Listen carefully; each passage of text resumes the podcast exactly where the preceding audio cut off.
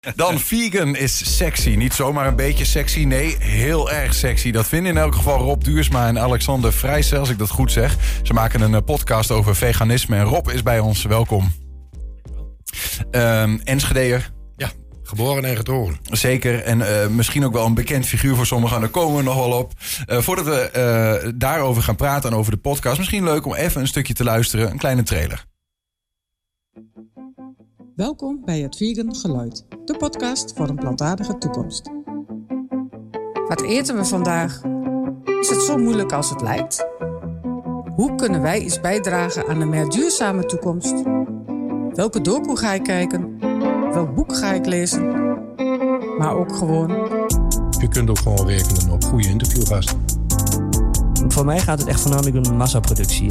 Omdat je nu weet dat het eigenlijk niet meer kan daar gaan we het ook zeker over hebben, over de strategieën en hoe activistisch wil je eigenlijk dan omgaan. Ook ik op mijn hele oude leeftijd. Uh, ik, ik kan het verschil nog wel maken. Je laat iets weg en een deur gaat dicht en tien andere deuren gaan open. We gaan veganisme gewoon uh, knettersexy maken. Dat is het eigenlijk.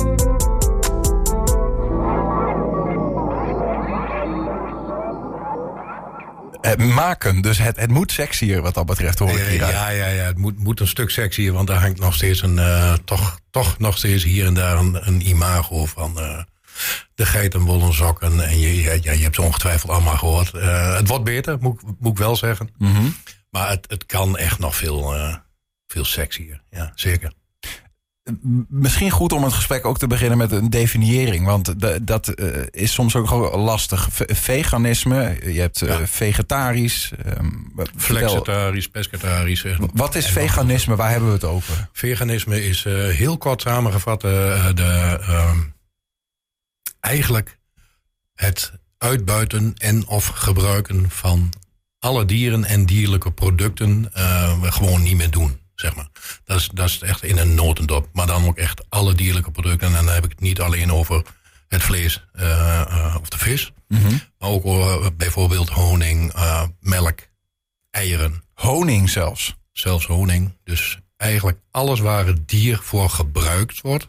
om dat voor ons zeg maar gangbaar te maken. Mm -hmm. Of te produceren. In het geval van honing bijvoorbeeld. dat wil de veganist niet. Ja. Jijzelf moet ik wel nuanceren, want niet iedere veganist staat daar hetzelfde in. Maar dat is een beetje de essentie en het begrip veganisme. Ja, precies. Hoe, hoe strak zit je zelf in de leer? Heel strak. Ja? Ja, ja, ja ik uh, wil nul dierlijke producten gebruiken. Dus inclusief de honing. En ja, ik heb zelf bijen achter thuis ook nog.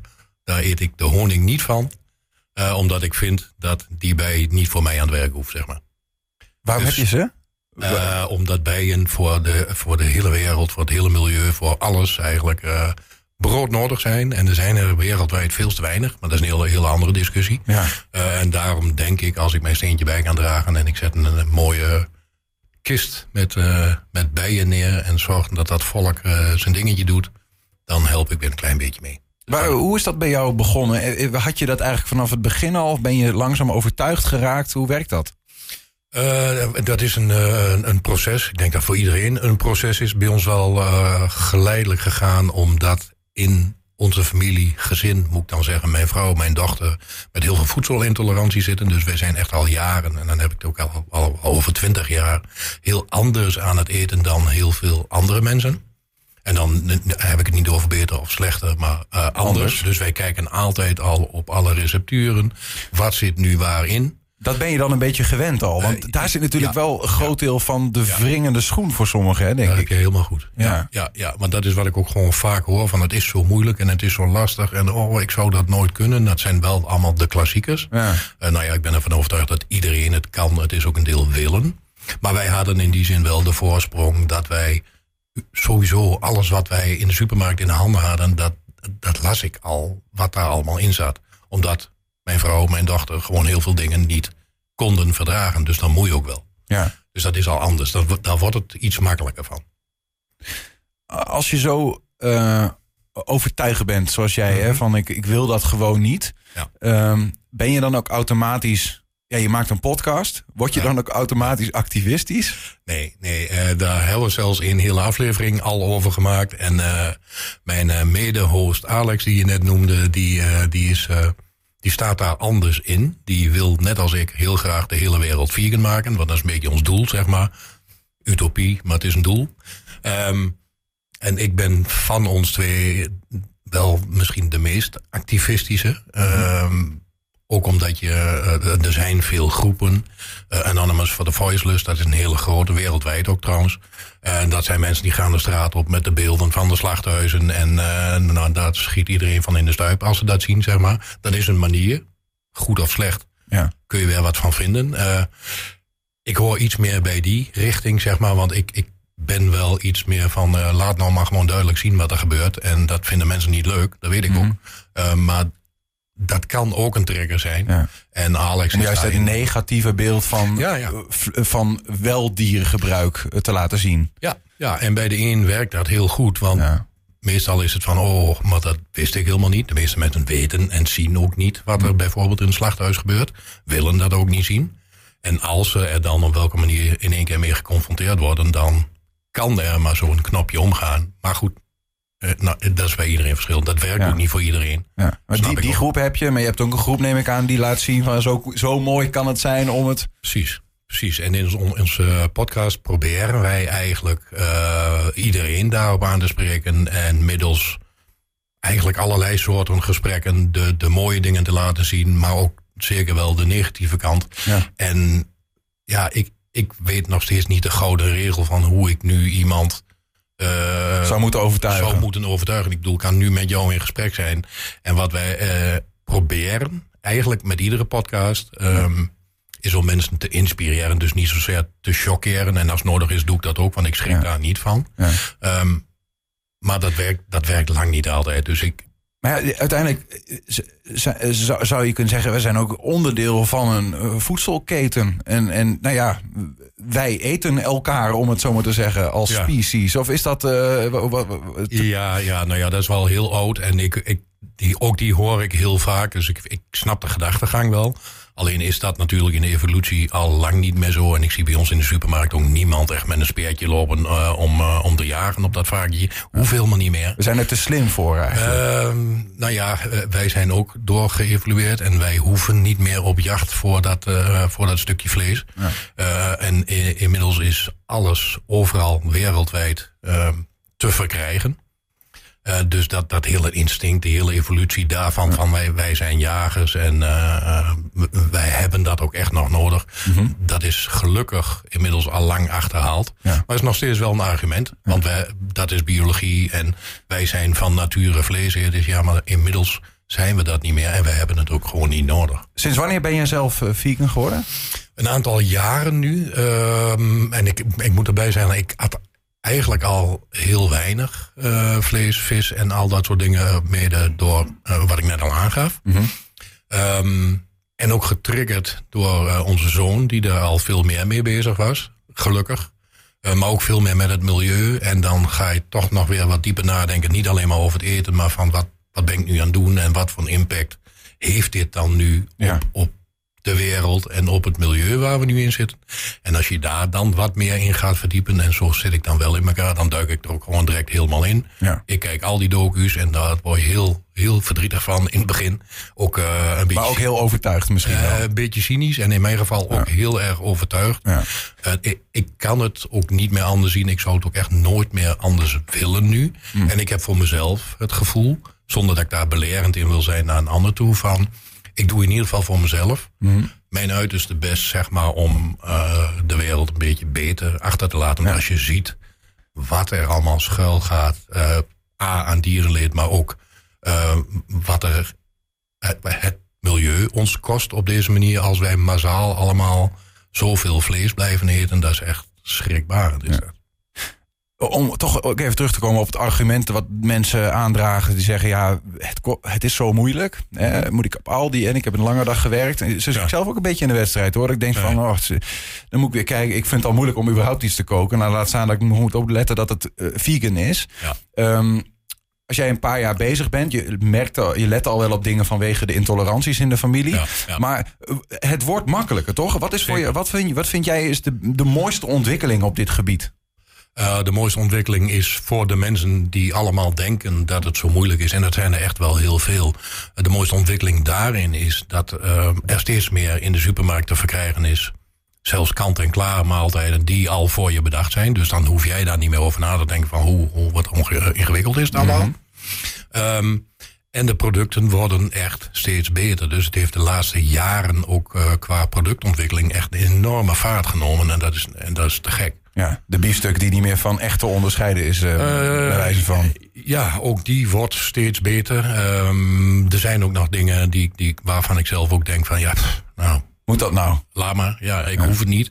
En daarbij ben ik ook wel een veganist die niet, niet zozeer altijd in plaats van dat stukje vlees nu die vervangen moet hebben. Ja. Want dat is ook, ook een mindset dingetje. Ja. Want zo zijn we namelijk allemaal opgegroeid, uh, aardappel, groente, vlees. Ja. En ja, maar goed, dat, is wel om die groep waar jij het over hebt, om die, die over de streep te trekken, die nog in die schemerzone zit. Of ja, die, dat is helemaal waar. Um, als er altijd denk ik een groep blijven die zeggen, ja nee, je moet gewoon, ik moet vlees hebben. Ja. Ik, uh, ja, nou ja.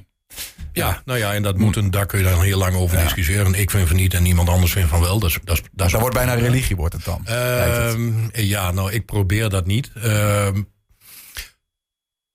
maar dat, dat kan en ik wil ja. daar wel voor oppassen. Ik, ik wil ook niet de preachy vegan worden. En aan de andere kant, ik heb wel een podcast om mensen te overtuigen. Maar ja. vandaar ook dat ik zeg van ik probeer dat met, met inspireren en met, met mooie gerechten. Omdat er veel mensen zijn die denken dat het heel moeilijk is.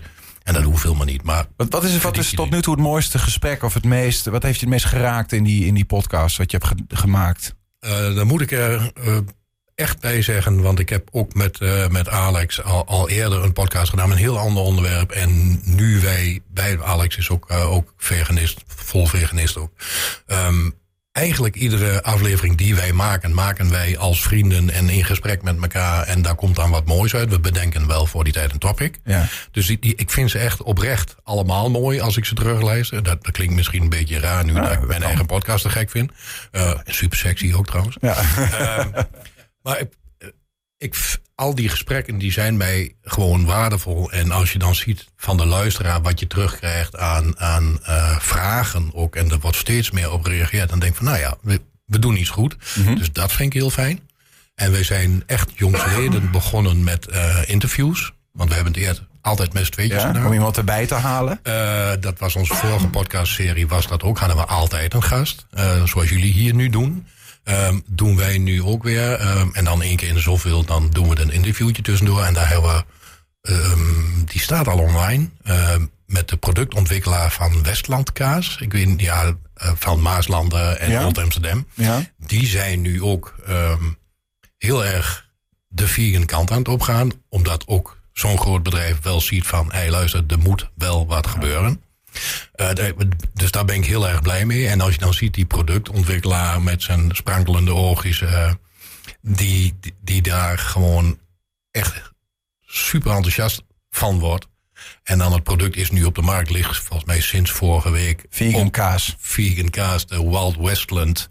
Uh, de samenwerking met Doos Vegan Cowboys van de vegetarische slager. Nou, ja. Daar heeft volgens mij iedereen inmiddels van gehoord. Um, en die is heel erg goed gelukt, kan ik je melden. En ja. als mensen dan zeggen van, nou, ik wil toch dat plakje kaas op de tosti, maar ik wil vegan gaan. Nou ja, dat, ja, dan is dat wat te gek is. En dat heeft mij in die zin ook heel erg geraakt, omdat um, als dit doorgaat, want zij willen de hele koe uit de schakel halen, zeg maar. Mm -hmm. Dus dat de koe niet meer nodig is om de melk te produceren, maar dat willen ze mechanisch gaan doen. Als dat lukt, dan heb je dat stukje dierenleed wat er dan tussen zit. Uh, waar veel mensen ook geen benul van hebben trouwens hoor. Maar ook die zuivelindustrie is niet zo fijn. Um, als je dat over kunt slaan. En dan toch te gekke kaas ja. kunt uitserveren. Nou denk van ja. Dat er, er is hoop. Ja, dat, dat ja, klinkt zeker. er dan uit voor jou. Als mij iets geraakt heeft. En daarbij, en dat is heel positief. Die kaasboer.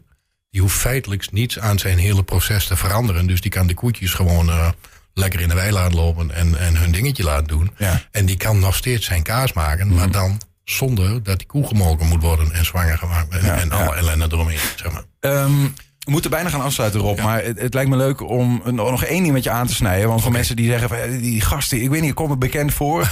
uh, je staat wel eens in een winkel in Enschede genaamd Bekels en Beans. Ben je uitbater van? Ja, um, is dat ook helemaal vegan eigenlijk? Nee, dat is een hele goede vraag. En uh, um, dat is de eentje waar ik zelf uh, dagelijks mee bezig ben. En ik gaf in het voorgesprekje net al aan dat wij de enige eigenlijk in Nederland zijn die eigenlijk de hele standaard bagels en beans kaart die de mensen kennen van bagels en beans nagenoeg helemaal uh, veganistisch aan kunnen bieden. Dat mogen wij ook, moet ik er wel bij zijn, want het gebeurt natuurlijk, het is franchise, dus het gebeurt allemaal in overleg. Ja. Uh, en het feit dat wij dat mogen, omdat het hoofdkantoor ook wel ziet dat wij dat goed doen, um, dat maakt het voor mij ook wel een stuk prettiger, want ik ben in Bagels en Beans ook nog steeds. Ik verkoop daar tonijn en nou ja, je kent het dan. En de ham en de bacon. En daar krijg ik stiekem wel steeds meer last van. Ja. Want dat is ook zo'n dingetje dat. Ja, dat snap ik. Maar, maar jij kunt dus als uitbater in Enschede, nou ja, met jouw inborst, als we die hier wel horen, kunnen we ja. verwachten dat dat de komende jaren misschien wel uh, helemaal vegan zal gaan. Ik, uh, toevallig zijn we nog niet zo lang geleden weer bij het hoofdkantoor geweest en over de menu, menukaart gehad. En ze nemen eigenlijk onze feedback altijd heel erg ter harte.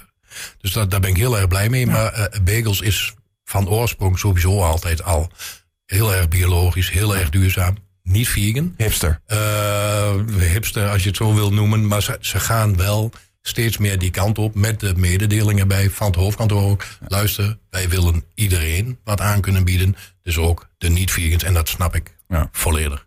Maar ze gaan heel erg die kant op. Uh, Rob, de, je, we moeten nog één ding aan je vragen. Dat is, hoe heet de podcast? Het Vegan Geluid. Het Vegan Geluid. Ja. Op alle platforms. Op alle platforms uh, ook gewoon uh, te luisteren. Ja. Vind je het goede Ook als je het vegan, ja, het, het, het, het, klinkt als het andere geluid. En dat klinkt Ja. toch als een vrij activistisch uh, Oké. nou ja, Ja. ding. Dus op, op zich. Maar, maar uh, um, waarom zou ik, als ik geen vegan ben, daarna gaan luisteren? Want dan zou ik denken, ja, dan krijg je dat gezeik van die mensen die uh, vinden dat ik geen vlees meer mag eten. Ja, dat zou je kunnen denken. Dat is een beetje een klassieke mindset volgens mij van een niet-vegan. Omdat ze zichzelf dan misschien aangevallen zouden kunnen voelen. Maar gewoon omdat de podcast uh, iedereen aanspreekt. En mensen die er al mee spelen of veel al zeggen van ik, ik, ik eet toch al iets minder vlees. Uh, om geïnspireerd te raken of om gewoon uh, twee, uh, twee leuke gasten met elkaar te horen kletsen. Want we proberen het ook wel een beetje luchtig en met humor te houden. Ja. Dus als je dat leuk vindt, dan vooral luisteren, denk ik. Mooi. Dank dat jij als een van die gasten even bij ons ook wilde aanschuiven om Heel te vertellen. graag, Rob Duursma, het vegan geluid dus.